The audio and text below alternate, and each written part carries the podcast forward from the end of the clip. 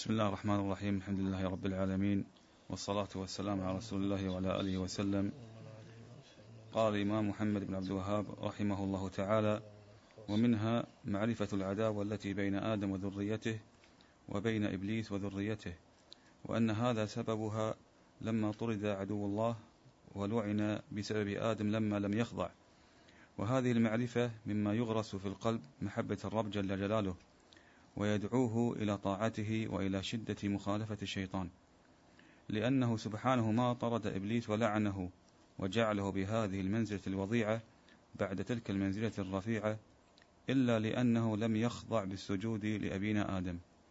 فليس من الإنصاف والعدل موالاته وعصيان وعصيان المنعم جل جلاله كما ذكر هذه الفائدة بقوله أفتتخذونه وذريته أولياء من دوني وهم لكم عدو؟ بئس للظالمين بدلا. الحمد لله والصلاة والسلام على رسول الله وعلى آله وسلم. أما بعد فالواجب على الإنسان عموما وعلى المسلم خصوصا لأن الله جل وعلا حين يخاطب بالإيمان ويخاطب بالإسلام فإن الخطاب تارة يأتي بلفظ الناس. كما قال الله جل وعلا يا أيها الناس اعبدوا ربكم ويأتي خطابا لأهل الإيمان لأن الجميع مخاطبين بذلك. لكن بحسب المعنى يخص الله جل وعلا الناس تارة بالخطاب وتارة المسلم أو المؤمن خصوصا. ليس هذا هذه هي النقطة هنا. النقطة هو أن الله جل وعلا قال لنا سبحانه وتعالى وربك يخلق ما يشاء ويختار. ما كان لهم الخيرة سبحان الله وتعالى عما يشركون. وربك يخلق ما يشاء ويختار. إذا من الذي يخلق؟ الله جل وعلا. طيب حين يخلق الله جل وعلا فهو يختار. يختار أي كل ما يخلقه من جهة الزمان من جهة المكان من جهة الصفة كل ذلك يختاره الله جل وعلا. فما الواجب في مقابل اختيار الله جل وعلا؟ المؤمن المؤمن ينساق المؤمن يستسلم المؤمن يعلم الواجب لأنه يعرف الله ويؤمن به. فيعلم يعلم أن الله جل وعلا ليس كمثله شيء وهو السميع البصير. هذه قاعدة المؤمن في الإيمان بالله تبارك وتعالى. هذه قاعدة المؤمن في الإيمان بالله تبارك وتعالى. فأي شيء تعلق بالله قلب المؤمن بما أودعه الله فيه أولا من الإيمان الفطري الذي تكلمنا عنه أكثر من مرة ثم بالإيمان الذي اختاره المؤمن واستسلم لرسالات الله جل وعلا فإنه يتلقى الأمور التي تأتي من جهة الله تبارك وتعالى يتلقاها وهو يعلم أن الأمر متعلقه الله عز وجل. فإذا كان الأمر متعلقه الله والله اختار والله اصطفى والله خلق إذا فلا بد أن يكون هذا الخلق وهذا الاختيار وهذا الاصطفاء يكون مرتبا على ما وصف به الله جل وعلا من كماله المطلق ومن حكمته سبحانه وتعالى. فلذلك تجد المؤمن حين يقع شيء ما لنفرض الصورة الدنيا من هذا الموضوع وهي الصورة الدنيا من هذا الموضوع ما هي؟ المقادير التي تقع على الإنسان. المقادير المؤلمة التي تقع على الإنسان. المؤمن حين يقع الأمر الذي هو المؤلم له والتي هي المصيبة يعني المقادير المؤلمة للإنسان سماها الله جل وعلا ماذا؟ مصائب إذا وقعت عليه تجده يفتش عن شيئين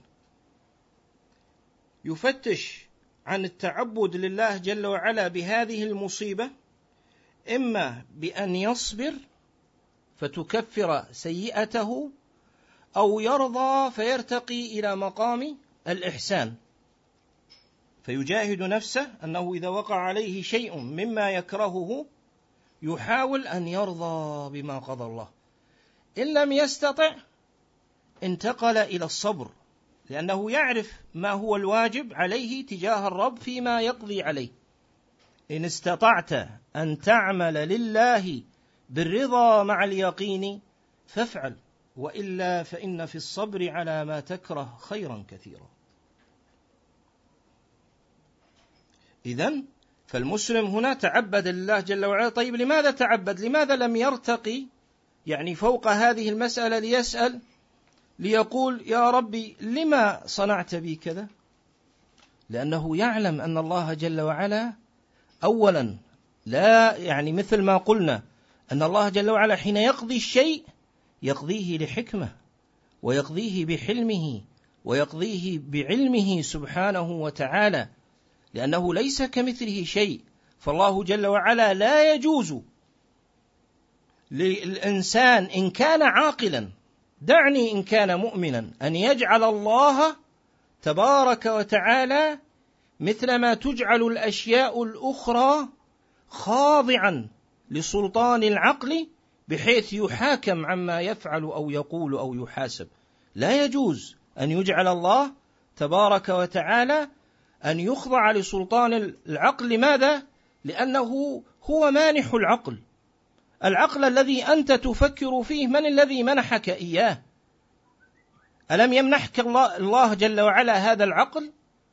فكيف تجعل عقلك الذي لا يستطيع وانت تعلم من نفسك أن كثيرا من الأشياء حين تتفكر فيها تتساءل عنها وهي من أمر الدنيا الحقيرة. أعني الفانية. إذا كان بعض الأمور تمر على الإنسان من أمر دنياه يجد العقل يقف يتريث لماذا؟ فكيف بأمر متعلقه من بيده ملكوت السماوات والأرض. من الأرض جميعا ها في قبضة من السماوات في قبضته يوم القيامة. والسماوات مطويات بيمينه والأرض جميعا قبضته يوم في قبضته يوم القيامة تبارك وتعالى. فهنا عقليا هل يصح أن يدخل الرب جل وعلا في قضية مثل القضايا الأخرى بحيث يتفكر بشأنه أو يتفكر في فعله أو يتفكر فيما يقضيه أن يخضع لسلطان هذا العقل الذي لا يستطيع في مصالح نفسه إلا بالمشاورة وإلا بالمدارسة أن يتدبر بعض مصالحه. أيكون هذا صحيح من جهة العقل؟ اذا فعقل المؤمن صحيح. ليس ناقص. عقل المؤمن يعرف مواضع الإقدام ويعرف مواضع الإحجام. عقل المؤمن منظم جدا واضح. ما يضيع وقته يفكر يفكر يفكر يفكر. في شيء هو يعلم أن مبدأه خطأ. لكن من لا عقل له؟ ممن يزعم أن عنده عقل. أو من لم يشاء الله بكرمه أن ينور قلبه بالإيمان ومعرفة الله فإنه يخضع كل شيء لبحثه العقلي. فيزداد حيرة فوق الحيرة وظلمة فوق الظلمة. لماذا؟ لأنه خاض فيما نهاه الله جل وعلا عنه. تفكروا في آلاء الله ولا تفكروا في الله. لا يسأل عما يفعل وهم يسألون. يقول بعض أئمة أهل البدع ممن تاب ورجع إلى السنة آخر عمره كما تعلمون لقد خذت فيما نهاني عنه أهل الإسلام فلم أزدد إلا حيرة وضلالة ثم انتهيت إلى طريقة القرآن فلم أرى مثل طريقة القرآن في الإثبات يعني في إثبات صفات الله يعني بعبارة أخرى في معرفة الله سبحانه وتعالى. ما يمكن. العقل الصحيح يدلك على صفات الربوبية وبعض الصفات الأخرى يدلك عليها وهذا مطلوب شرعا لكن مطلوب على تفصيل ليس على الطريقة التي عليها أهل البدع. والطريق الآخر هو طريق الوحي. هو طريق الوحي ولذلك يعني قال ابن القيم رحمه الله تعالى أن النبي صلى الله عليه وآله وسلم خاطب الناس بالإيمان بالله مباشرة وتوحيده والعمل. ما يخاطبهم تعال خلنا نثبت وجود الله. إيش نثبت وجود الله؟ إيش تثبت وجود الله تبارك وتعالى؟ إذا, إذا هناك هاتف في قلب كل إنسان يهتف صباح مساء أن هناك رب وأن لهذا الرب حكمة. ليس هذا فحسب بل الله جل وعلا أودع في قلب الإنسان القصد إلى الله ومحبته سبحانه. أصل القصد موجود. فأقول المؤمن أمام المقادير المؤلمة يتعبد لله تبارك وتعالى ما يرتقي. يعني ليس هذا ارتقاء أقول عبارة أدق نقول ما يسفل إلى أن يجعل ما يقضى أو ما يجعله خاضع لعقله يتفكر فيه ويحاسب فيه. إلا إذا كان ضعيف إيمان فيتسلط عليه الشيطان. لكن انظر إلى الكمل من أهل الإيمان. انظر إلى الكمل من أهل الإيمان الذين حازوا الكمال في الإيمان. أصحاب الرسول صلى الله عليه وآله وسلم. حين رأى بعض أصحاب النبي صلى الله عليه وسلم. والنبي صلى الله عليه وسلم قد مات ابنه إبراهيم. ومات وعمره ستة شهور وكان قد ملأ المهد. فذرفت عينا رسول الله صلى الله عليه وسلم. فرمقه بعض أصحاب النبي صلى الله عليه وسلم فاستنكر من النبي صلى الله عليه وسلم هذا الأمر. كيف؟ يعني هذا قدر الله. هذه يعني كيف تبكي؟ يعني كأنه هناك نوع من يعني الصحابي يستفسر طبعا كعادة أصحاب الرسول صلى الله عليه وسلم يعلموننا يعلموننا ديننا رضي الله عنهم وأرضاهم. فيقول له النبي صلى الله عليه وسلم إن العين إن القلب لا يخشى وإن العين لا تدمع ولا نقول إلا ما يرضي الرب. انظر الكمل كيف تعاملهم مع مثل هذا هذا الأمر.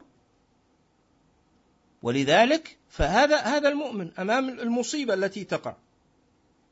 هذا في جانب إيش؟ في جانب المصيبة إذا تعلقت به ووقعت عليه. طيب في جانب ما يختاره الله جل وعلا. أنت اختارك الله جل وعلا أن تكون من بلاد الهند أو من بلاد السند. الله جل وعلا قضى عليك أن تكون أحمر أو أسود أو أبيض. الله جل وعلا اختار أن تكون صفتك كذا أو صفتك كذا. الله جل وعلا قضى عليك أن حافظتك ليست بتلك وذاك بلاه الله جل وعلا بقوة الحافظة. وقس على ذلك. هذا اختيار الرب جل وعلا. هذا اختيار الرب جل وعلا. هل أمام هذا الاختيار ستسخط مقادير الله جل وعلا عليك؟ كما صنع إبليس حين طعن في حكمة الرب جل وعلا. طعن في حكمة الرب جل وعلا. حين قال له الله عز وجل أسجد أمر. ما قال الله جل وعلا هذا الذي أمرتك بأن تسجد له أفضل منك. إنما قال له أمر ونهي. السيد يأمر. ما الذي يملكه العبد؟ ما الذي يملكه العبد؟ يملك السمع والطاعة بس.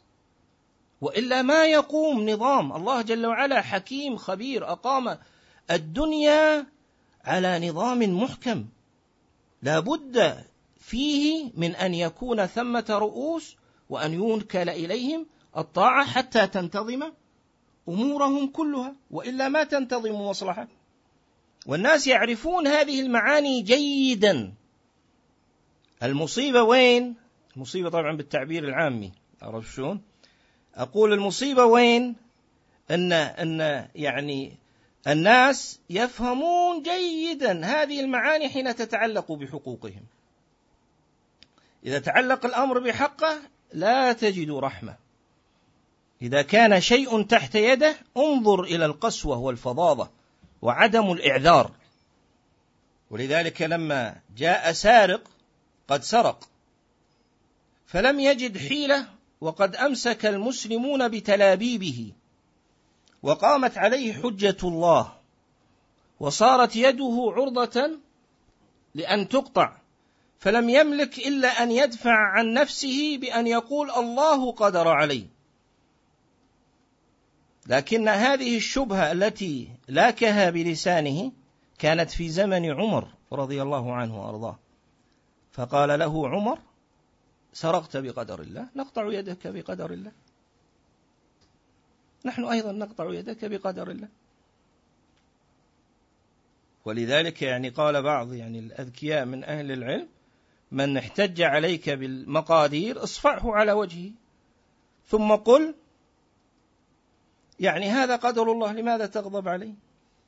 كما قال بعض يعني الشعراء الماجنين وكان قد غضب على يعني معشوقته فصفعها على وجهها. ثم ندم فقال إن نالتك بالضرب يدي فقد نالتك بما لم أردي طبعا كذاب. فالمقصود أن الله جل وعلا حين يقضي الشيء يقضيه قضاء الله يرتبط بالله. قضاء الله يرتبط بمن؟ بالله سبحانه وتعالى يجب أن تفهم أفعال الله يجب أن تفهم صفات الله وهي منسوبة لله فتكون على ما يليق به.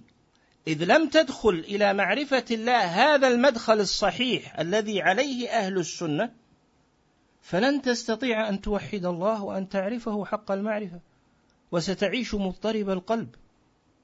لا تعرف ربك. سبحانه وتعالى. حين يأتي مثلا أضرب مثال مثلا في النبي صلى الله عليه وسلم لما ذكر الشفاعة لتكون يوم القيامة. الحديث اللي سألتني عنه مرة.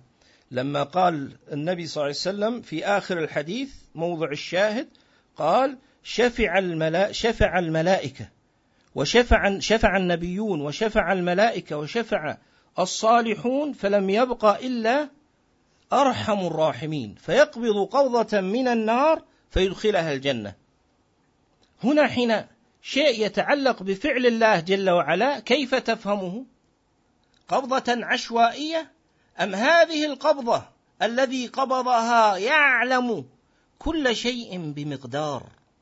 كل من وقع في هذه القبضة ونقل من جهنم عياذا بالله إلى جنة الخلد؟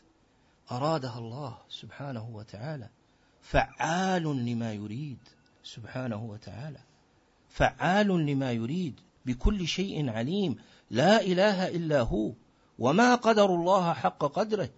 والأرض جميعا قبضته يوم القيامة. والسماوات مطويات بيمينه. إذا ربك يخلق ما يشاء ويختار ما كان لهم الخيرة. ما كان لهم الخيرة سبحان الله وتعالى عما يشركون. إذا فهنا هذا البحث الذي معنا هذا مرتبط بحكمة الله وعلمه سبحانه.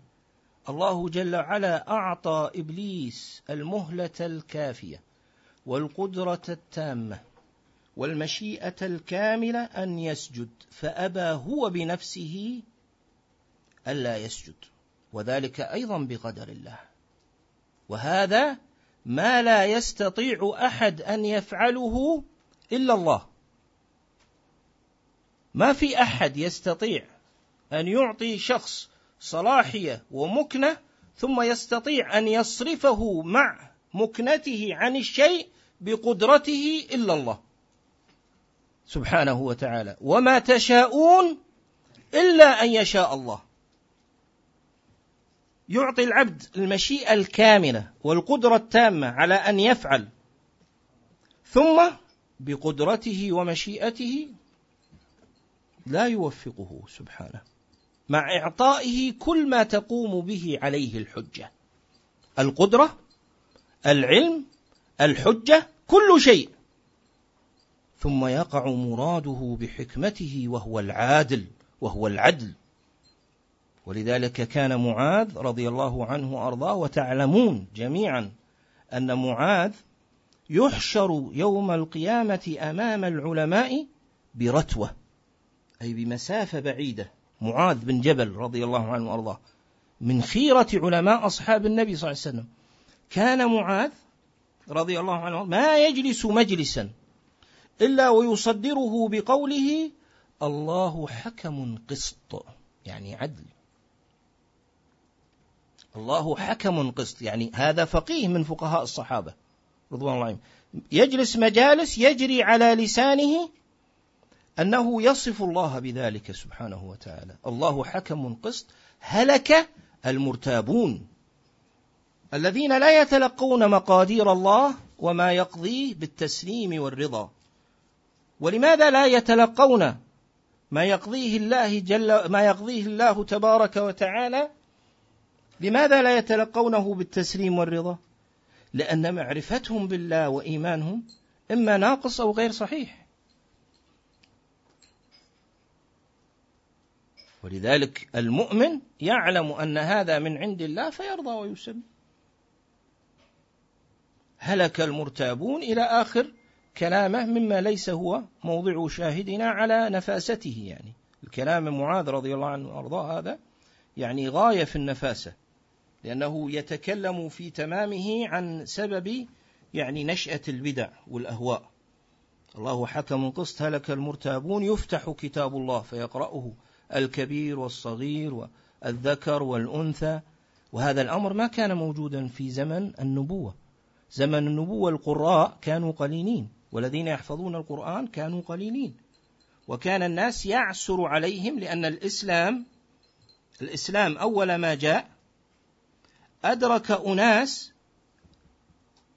كبار في السن قد اعتادوا في مخاطباتهم لغة غير لسان مضر فكان يعسر عليهم القرآن.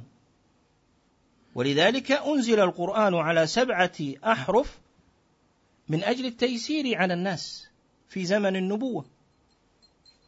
فالمقصود أنه لم يكن القراءة ولذلك كان النبي صلى الله عليه وسلم يعني فدى أسارى بدر في مقابل ماذا؟ أنهم يعلمون المسلمين القراءة. فما كانت القراءة القرآن وجمعه والمصاحف على النحو الذي قضاه الله جل وعلا بعد ذلك في المسلمين بفضله سبحانه وتعالى. فيقول معاذ أن القرآن يفتح فيقرأه الكبير والصغير والذكر. فيأتي الرجل هنا يأتي رجل قرأ قرآن قرأ حديث الرسول صلى الله عليه وسلم قرأ هذه الأمور لكنه نسأل الله العافية والسلامة يريد من الدين أن يعلو به على الناس. يريد من الدين أن يكون له منزلة في صدور الناس.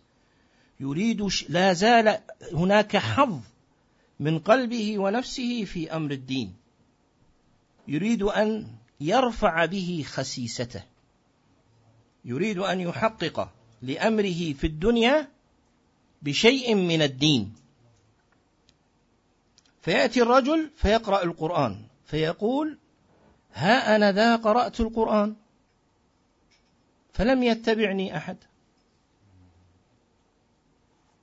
ها أنا ذا قرأت القرآن؟ قرأت القرآن حفظت الحديث صنعت سويت درست. ما في ما, ما أجد الموقع الذي أريده لنفسي. لا الدخل المادي ولا المنزلة ها ولا عند السلاطين. شتمنا السلاطين على المنابر وقلنا الطواغيت ووصلنا إلى البرلمانات. أو أننا قلنا بالسمع والطاعة وأنه يجب طاعة ولاة الأمر وأن هؤلاء الذين يخرجون عليهم خوارج ها لكن ما ماكو فايدة. فلو أحدثت لهم غيره فإياكم وما أحدث. فإياكم وما أحدث. فالمقصود أن الله جل وعلا حين قضى هذا الأمر الذي نحن نسمعه أمرا مقضيا يعني أمر انقضى وانبرم. هذا الأمر الذي قرأناه أمر انتهى. فحين ينتهي الأمر حين ينتهي الأمر هنا ليس ثمة تدبير فيه الشيء الذي فيه تدبير الشيء الذي فيه بذل أسباب الشيء الذي تعالجه أو تفعله في وقته لكن بعد انقضاء الشيء ماذا يوجد؟ يوجد إما أن يكون خبرا فتتعظ وتعتبر وإما أن يكون يعني شيئا مزعجا أو مؤلما فتسترجع وتتركه إلى غير ذلك. المقصود فهنا أمر انتهى. الله عز وجل قضى هذا الأمر وحكم هذا الحكم فوصل إلينا الخبر أن إبليس أمر بالسجود لأبينا آدم فامتنع كبرا ثم حسدا. هذا الخبر وصلنا وأن الله جل وعلا طرده من الجنة وأن الله جل وعلا أكرم أبينا آدم بعد ذلك بالتوبة عليه إلى آخر ما ذكره المولى سبحانه. فما واجبنا هنا؟ واجبنا أن ننظر فنجد أن الله قد أكرم أبينا آدم. وإذا أكرم أبينا آدم فهذا إكرام لنا كما سيذكر المصنف رحمه الله تعالى هذا المعنى وقد تقدم في أول رسالته. تقدم في أول رسالته أن القرآن يخاطب الحاضرين بما أنعمه على السابقين من نوعهم كما خاطب بني إسرائيل. إذا فنحن أمام نعمة من نعم الله علينا بما كرم به أبونا آدم. وأنه طرد إبليس لأنه أبى السجود لأبينا فإذا هو عدو لنا. ولذلك الله جل وعلا يقول أفتتخذونه وذريته أولياء من دوني وهم لكم عدو؟ بئس للظالمين بدلا. إذا الآن لو نقرأ الكلام مرة أخرى سيكون واضح جدا ومفيد إن شاء الله. ومنها معرفة العداوة التي بين آدم وذريته وبين إبليس وذريته وأن هذا سببها لما طرد عدو الله ولعن بسبب آدم لما لم يخضع وهذه المعرفة مما يغرس في القلب محبة الرب جل وعلا جل جلاله ويدعوه إلى طاعته وإلى شدة مخالفة الشيطان. إذا يقتضي شدة ولاية الرحمن وشدة عداوة الشيطان لأنه سبحانه ما طرد إبليس ولعنه وجعله بهذه المنزلة الوضيعة بعد تلك المنزلة الرفيعة إلا لأنه لم يخضع بالسجود لأبينا آدم. لأن إبليس ظن أنه بما أنه قد وصل إلى الملكوت الأعلى فظن كما يظن كثير من المبطلين والضلال. يظنون أن الكرامة أن تكون على الخير في بعض الوقت. وهذا غير صحيح. العبودية لا تقف عند حد. فإبليس ظن أنه وصل إلى هذه المنزلة وأنه بلغ مصاف الملائكة. إذا فهو لا يريد هنا أن يعبد في مقابل الأمر. يريد أن يعبد عبادة الملائكة وهو بالتسبيح والتقديس لا يريد أن يتعبد بالأمر. ولذلك أنت تجد كثير من العباد يتخيرون من العبادات. فتجده مثلا يتخير بعض العبادات يقوم بها وبعض العبادات هو مأمور بها وجوبا لا يقوم بها. طيب أين عبودية الله تبارك وتعالى؟ أين عبودية الله عز وجل؟ تتخير أن تسبح الله وتقدسه وتتلو القرآن ثم الأمور الواجبة والأمور المحرمة. لا ترفع رأسك بعبادة الله تبارك وتعالى فيها. أين العبودية لله؟ هكذا أراد الشيطان أن يصنع. وظن أنه يعني لن يحتاج إلى أن ينصاع إلى هذا الأمر ومخالفته لن تضره هذا هذا الضرر. فلو كان عاقلا أو كان ذكيا كما ينبغي كان ينبغي له أن لا يستهين بأمر الله ونهيه تبارك وتعالى.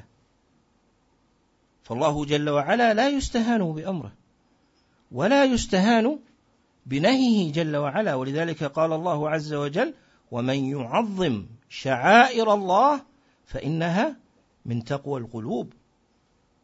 إذا فتعظيم الله ثم تعظيم أمره ونهيه هذه ما ينبغي أن يعني تنسى في لحظة من اللحظات.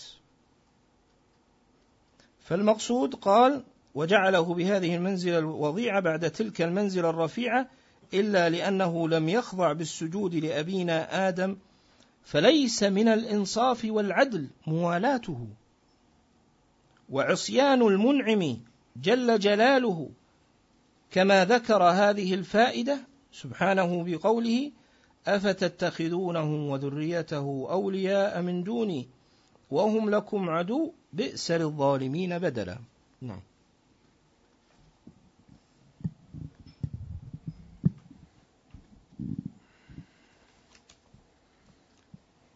ومنها معرفة شدة عداوة عدو الله لنا وحرصه على إغوائنا بكل طريق.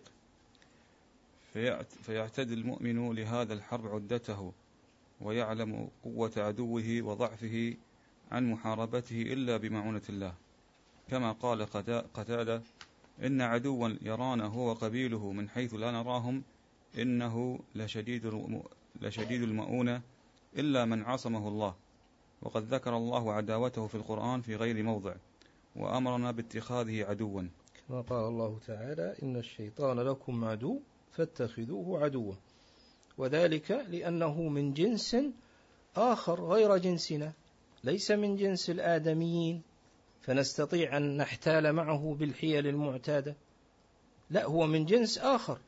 فما يوجد سبيل بالأسباب العادية أن تتقي شره. اتقاء شره لا يكون إلا بتقوى الله وعبادته. فيقيك الله جل وعلا شره. نعوذ بالله من همزات ونزغات الشياطين فقط. يعني الشيطان لا سبيل للتخلص من شره إلا بالتقوى. ولذلك تجد أصناف المشركين من الكهان وغيرهم ممن يريدون أن يتخلصوا من شر بعض الشياطين أو الجن يتخذون أسبابا فيقعون في فتك شياطين آخرين. فهم ما يستطيعون بالأسباب أن يتخلصوا من شر الشيطان. فالشيطان ما يوجد ما هو إنسي. الإنسي تستطيع أن تتخذ معه الأسباب مثل ما قال الله جل وعلا ادفع بالتي هي أحسن. فإذا الذي بينك وبينه عداوة كأنه أما الشيطان لا ما فيه وإما ينزغنك من الشيطان نزغ فاستعذ بالله. ما لك إلا أن تستعيذ بالله. الاستعاذة بالله تعيذك من شر الشيطان. ولكن الذي يعيذك إعادة تامة الذي يعيدك إعادة تامة هو الدخول في عبودية الله وتحقيق تقواه وهذا الذي ذكره الشيطان نفسه. قال إلا عبادك منهم المخلصين.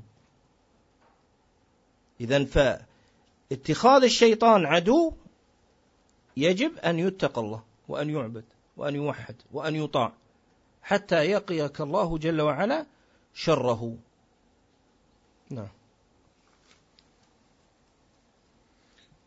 يقول ومنها وهي من أعظمها معرفة الطرق التي يأتينا منها عدو الله. كما ذكر الله تعالى عنه في القصة أنه قال لأقعدن لهم صراطك المستقيم ثم لآتينهم بين أيديهم ومن خلفهم وعن أيمانهم وعن شمائلهم. وإنما تعرف عظمة هذه الفائدة بمعرفة شيء من معاني هذا الكلام. بمعرفة شيء. من معاني هذا الكلام. قال جمهور المفسرين انتصب صراط بحذف انتصب. صراط بحذف على. بحذف على على على التقدير. لا. انتصب صراط بحذف على. بعدين التقدير لأقعدن لهم يعني جملة جديدة استئنافية. انتصب صراط بحذف على. التقدير لأقعدن لهم على صراطك على صراطك. قال ابن القيم والظاهر أن الفعل مضمر فإن القاعد ليس فإن القاعد على الشيء ملازم له. فكأنه قال لألزمنه ولأرصدن ولأرصدنه ونحو ذلك. طبعا هذه الآية لأقعدن لهم صراطك المستقيم. تكلمنا عليها بفضل الله تبارك وتعالى بالتفصيل يعني فيما تقدم. لكن فيما يتعلق بهذه الفائدة التي نقلها الإمام رحمه الله تعالى عن الإمام ابن القيم في نصب صراط وذكر الخلاف بين النحاة والمفسرين في ذلك فقال والظاهر أن الفعل مضمر فإن القاعدة على الشيء ملازم له. يعني معنى هذا الكلام أن قول الله جل وعلا لأقعدن لهم صراطك المستقيم فالبحث هنا صراط. نصبت. وأقعد فعل لازم لا يتعدى. فلا بد من شيء يتعدى به. فقدروا وجود على. لأقعدن لهم على صراطك. فإذا نزع الخافض انتصب ما وراءه. دلالة على نزع الخافض. هذا وجه. وبعضهم يصور هذا المعنى بعبارة أخرى.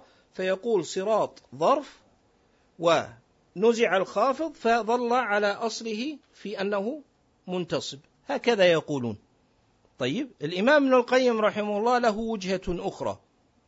الإمام ابن القيم رحمه الله له وجهة أخرى. يقول لأقعدن هنا هذا الفعل لا ينظر إلى لفظه فقط. وبالتالي يحكم بحكم لفظه. لكن ينظر إلى السياق فإنه متضمن لمعنى. هذا المعنى أدخل في هذا الفعل فصار هذا الفعل عاملا فنصب صراط. وهذه الوجهة التي جنح إليها ابن القيم رحمه الله تعالى كثيرا ما يجنح إليها وما يصير إليها الإمام ابن تيمية رحمه الله تعالى. فإن هذين الإمامين رحمهم الله تعالى من توفيق الله تبارك وتعالى لهما أنهما لم يقعا تحت طائلة تأثير أي نوع من الاصطلاحات المحدثة بعد السلف الصالح لا في ألفاظها ولا في معانيها. بمعنى أنهم يرجعون الأمور إلى أصل ما جاء عن السلف. فمن من السلف قال أن صراط انتصب بنزع الخافض ولا واحد من السلف الصالح. إذا فهذا كلام من؟ كلام من يتعاطى النحو من المفسرين. فدرجوا على ما اعتيد وآفة من يدرسون اللغة أنهم يقعون تحت وطأة الاصطلاحات والأساليب المحدثة فيغيب عن عقولهم وعن فهمهم وعن ذوقهم معرفة الفصحى الأولى الأم التي نزل بها القرآن بقوانينها. فالمقصود أن هذا الإمام رحمه الله تعالى استعان بما جاء في الأدلة الشرعية من بيان معنى وقوف الشيطان على هذا الصراط. فإن الأحاديث كما يعني جاء مثلا في حديث يعني سبرة ابن أبي فاكه رضي الله عنه أن النبي صلى الله عليه وسلم قال إن الشيطان وقف لابن آدم بطرقه كلها حديث ابن مسعود رضي الله عنه وأرضاه لما ذكر النبي صلى الله عليه وسلم الخط وخط الخطوط الأخرى قال وعلى رأس كل خط ماذا؟ شيطان. إذا فهنا قعود الشيطان على هذا الصراط. هل هو قعود هكذا؟ عارض؟ أما هو قعود الذي متمكن الذي يريد أن يترصد وأن يتربص وأن يأتي للإنسان من كل وجه. إذا فهذا المعنى موجود بقوة هنا. وهذا سر انتصاب صراط هنا. يعني أنا أقول هذا يعني من باب آه، يعني ما أدري يعني من باب ماذا؟ أن يعني آه، يعني من باب أن أنك إذا دخلت في العلم وحدك خرجت وحدك. إذا دخلت في العلم كالحدادية. وحدك خرجت وحدك. فمن أين لك أن تدرك مثل هذه الفائدة اللغوية النحوية المعنوية الجميلة الجليلة؟ لو أنك يعني طحنت نفسك في أمات التفسير التي تعنى باللغة لولا الله ثم أنك جاءتك جاهزة مجهزة على لسان ابن القيم. ألا يدلك على هذا؟ ألا يدلك على المعنى العظيم؟ وهو أنه يجب معرفة العلماء. ألا يدلك هذا على أنه يجب أن يعرف أيضا من بين العلماء علماء السنة؟ ألا يدلك هذا على أنك كما يجب أن تعرف العلماء وتعرف علماء السنة أن تعرف المحققين من علماء السنة؟ ألا يدلك هذا على شدة مؤنة العلم؟ ألا يدلك هذا على خطر الدخول في العلم لمن لم يرض قلبه السنة ويستسلم ويعرف منازل العلماء ومراتبهم؟ أرأيتم هذه المعاني؟ هذه المعاني هي التي نحتاجها هنا. يعني الإعراب وما تقدم قد لا نكون بالنسبة لمستوانا بحاجة إليه. ولكن يعني مستوانا العلمي أقصد ولكن بالنسبة لنا هذه المعاني التي نحتاج إليها فيجب أن نحمد الله وأن نشكر الله تبارك وتعالى أن هدانا ووفقنا. سبحانه له الحمد والشكر. أننا نقرأ كتابا للإمام محمد بن عبد الوهاب. ثم نقرأه مطعما بالنقول عن أئمة السنة والسلف الصالح. ثم نحاول أن نتفهمه راجعين إلى علمائنا رحمهم الله وحفظ الأحياء. وبهذا تحفظ السنة وبهذا تنصر السنة وبهذا يكون الإنسان في أمان. أما المنفرد في كهنوته أو المنزوي في مكتبته ممن حباه الله عقلا سيالا وقدرة فائقة فيظن أنه سيستطيع متوهما صحة قول القائل وإن كنت الأخير زمانه لآت بما لم تستطعه الأوائل فهذا قد مرض وهو لم يتعلم فهذا يسأل له الشفاء. لأنه مريض. وإن ظن ماذا؟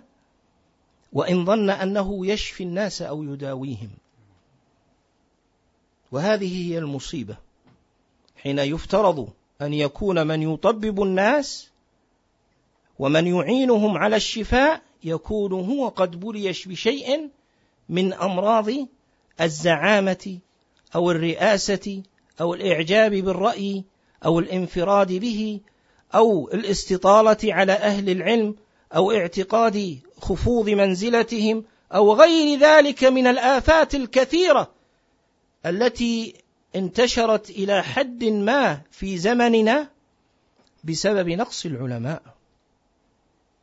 بسبب ماذا؟ نقص العلماء. ونقص العلماء ليس عذرا في الشريعة لأن يبتلى العبد بمثل هذه الأمراض. نقص العلماء في الشريعة ليس عذرا لأن يبتلى العبد بمثل هذه الأمراض. لماذا؟ لأنه لا يزال قائم لله بحجة. لا تزال طائفة من أمتي على الحق ظاهرين. لكن لماذا الاستباق وجعل العلماء وراء ظهرك؟ لماذا لا تحيل إلى العلماء إحالة حقيقية لا صورية تتجمل بها. هنا هنا هنا الإشكال. هنا الإشكال. فأقول يعني أن هذه الفائدة الجميلة للإمام ابن القيم رحمه الله نستفيد منها هذه المعاني وهي مهمة جدا. نعم. يقول قال ابن عباس دينك الواضح. من بين الواضح. دينك الواضح. من بين أيديهم يعني الدنيا. يعني وضح هذا يعني اسم الإذاعة اللي قائمين عليها إخواننا النهج الواضح. علمتم من أين أخذ الاسم؟ وهذا من فضل الله عز وجل. أرجو الله تبارك وتعالى أن يكون من توفيق الله لهم أن اختاروا هذا الاسم النهج الواضح. النهج الواضح الذي لا يريده الشيطان. لأن الشيطان إذا كان الأمر واضح فهو لا يستطيع أن يتحرك ولا يستطيع أن يذهب ويجيء لأن في الضوء ما يستطيع المبطل يريد أجواء فيها نوع من العفش المتراكم ها؟ حتى يستطيع أن ينسل مثل الحشرات وأن يكيد وأن يمكر وغير ذلك. أما الوضوح فإنما يحبه الرجال ويحبه أهل الصفاء. فدين الله جل وعلا واضح بفضل الله عز وجل. نعم فيه معاني عظيمة وكثيرة قد لا يحيط بها العباد علما. فيه معاني دقيقة لكن يبقى لكل من بنى أمر دينه عليه واضح يهتدي به. وهذا من فضل الله تبارك وتعالى. هذا من فضل الله عز وجل كما أن ربنا تبارك وتعالى لا يضام في رؤيته يوم القيامة أي لا يحتاج الناس أن ينضم بعضهم إلى بعض في المحشر حتى يروا الله جل وعلا حين يتجلى سبحانه وتعالى لماذا؟ لأنه ليس كمثله شيء إنكم سترون ربكم كما ترون القمر ليلة البدر لا تضامون في رؤيته لماذا؟ لأن الله جل وعلا سبحانه هو الحق فكل يراه في ذاك المقام من غير حاجة إلى تزاحم. فكذلك دينه تبارك وتعالى فهو كالشمس المشرقة. كل يؤم الحق في نفسه ويريد وجه الله ويتمسك بالحق فسيصيبه هذا النور. وكل يأخذ قسطه ويهتدي إلى الحق. فهو النهج الواضح بفضل الله تبارك وتعالى.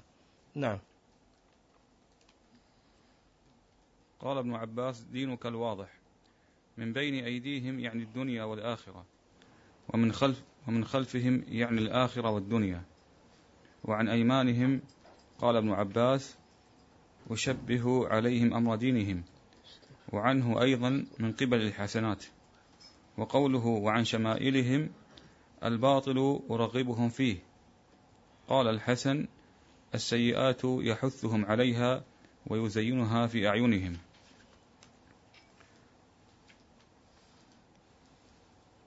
أنا عندي قال ابن قتادة.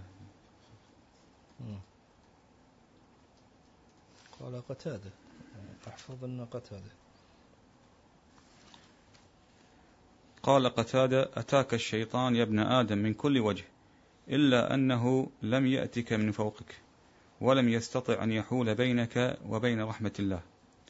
وهو يوافق قول من ذكر هذه الأوجه للمبالغة في التوكيد أي أتصرف لهم في الإضلال من جميع جهاتهم ولا يناقض ما ذكر ولا يناقض ولا يناقض ما ذكر السلف. فإن ذلك على جهة التمثيل.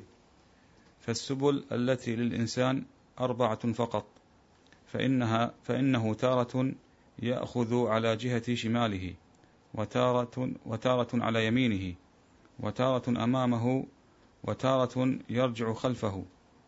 فأي سبيل من هذه سلكها وجد الشيطان عليها راصدا له فإن سلكها في طاعة ثبطه وإن سلكها بالمعصية حداه.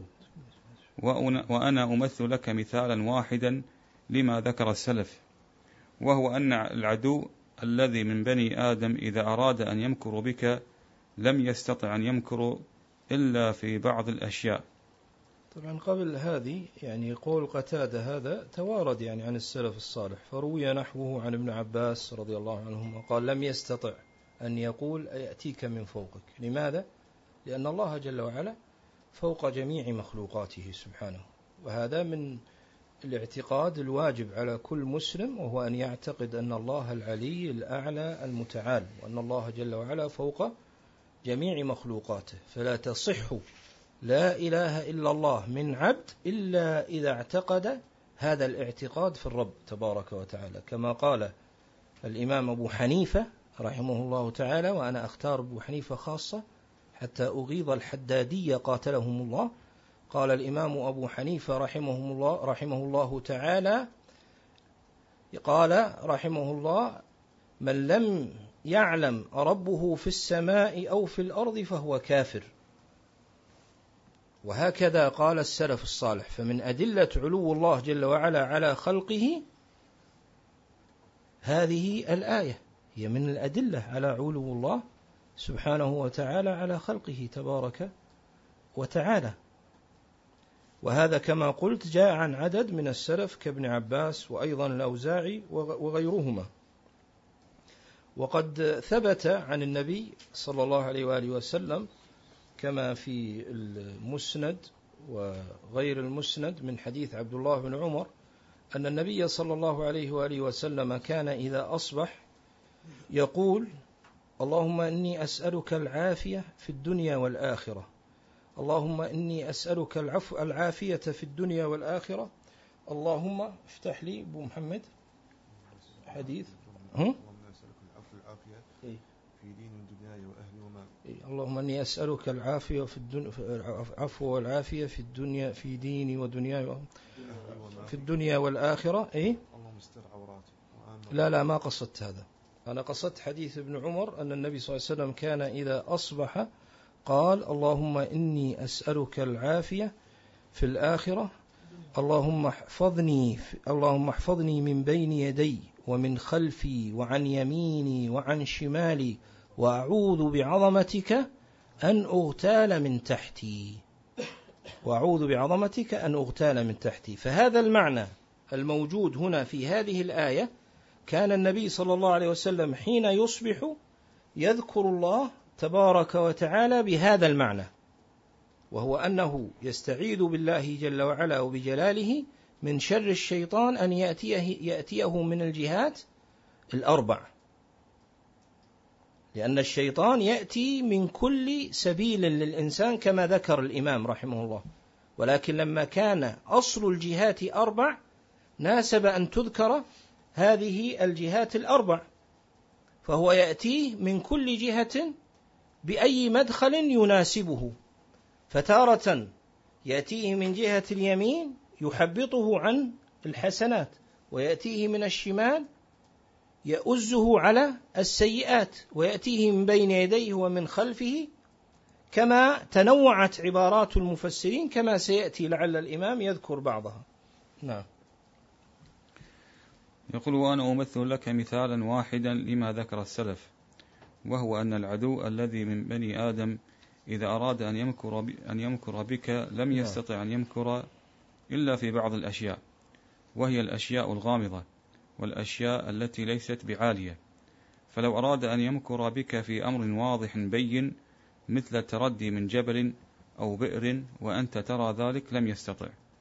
خصوصا إذا عرفت أنه قد مكر بك مرات متعددة. ولو أراد ليمكر بك لتتزوج.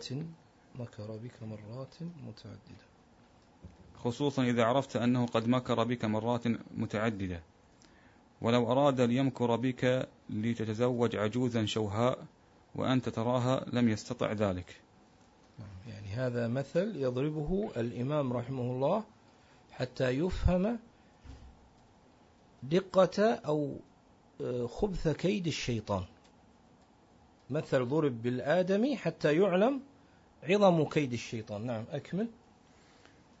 وأنت ترى اللعين أعادنا هذا الجانب الآخر من المثال. المثال الأول أن الآدمي الذي هو الآدمي لو أراد أن يمكر بك لم يستطع أن يمكر بك بالأمر الجلي الواضح. لابد أن يأتيك من جهة يستطيع أن يلحق بك الضرر أو الكيد وهو آدمي. ثم قارن الآن بفعل الشيطان. نعم. وأنت ترى اللعين أعاذنا الله منه يأتي الآدمي في أشياء واضحة بينة. على العكس يعني شيء واضح يعرف أنه حرام يعرف أنه لا يجوز يعرف أنه محرم ويعتقد ذلك. لا ليس يعتقد ذلك فقط بل هو يريد أن يعني يقع في هذا الشيء وأن يخالف الله جل وعلا. فانظر ماذا يصنع. وأنت ترى اللعين عاذنا الله منه يأتي الآدمي في أشياء واضحة بينة. أنها مما حرم الله ورسوله فيحمله عليها حتى يفعله ويزينها في عينه حتى يفرح بها ويزعم أن فيها مصلحة ويذم من خالفه. كما قال تعالى لا تحسبن الذين يفرحون بما أتوا وقوله ولا تلبسوا الحق بالباطل وتكتموا الحق وأنتم تعلمون وقوله ولقد علموا لمن اشتراه ما له في الآخرة من خلاق وهذا معنى قول من, قول من قال من بين أيديهم من قبل الدنيا فإنهم يعرفونها وعيوبها ومجمعون على وهذا الاستدلال من الإمام رحمه الله تعالى طبعا يدل بوضوح على علو كعبه ورسوخ علمه رحمه الله. أعني أنه ضرب المثل بالشيطان لما ضرب المثل بالآدمي وأتى بمثال قال فإنه لو لا يأتيك يعني بصورة عجوز شوهاء يحملك على أن تتزوجها.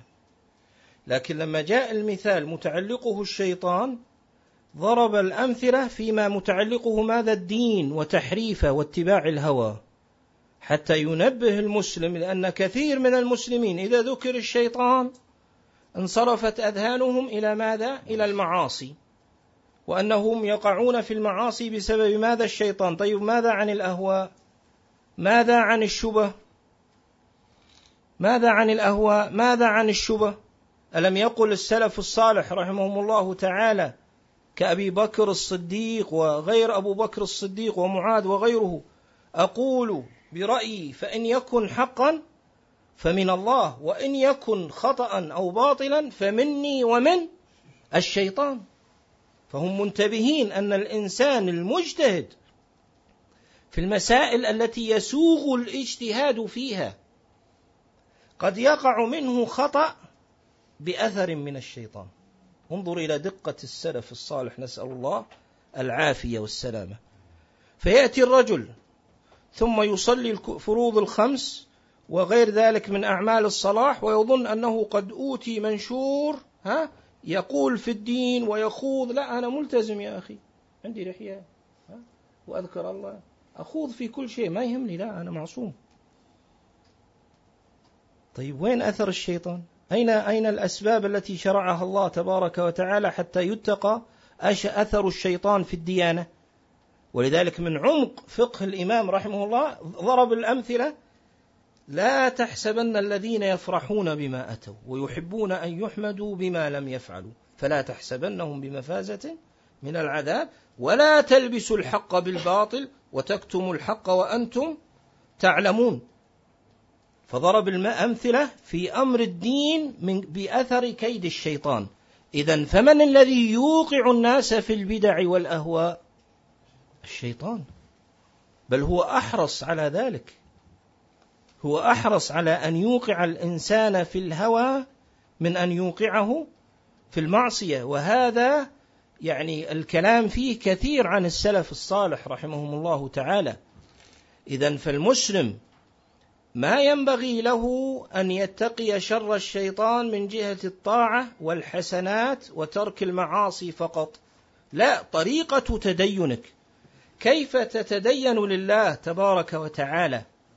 ما هو ما هي الطريقة التي تتدين بها؟ ما هو الدين الذي تتمسك به؟ فإنك أيضا يجب أن تتقي شر الشيطان ووسوسته وهمزه ونفخه ونفثه وتزيينه.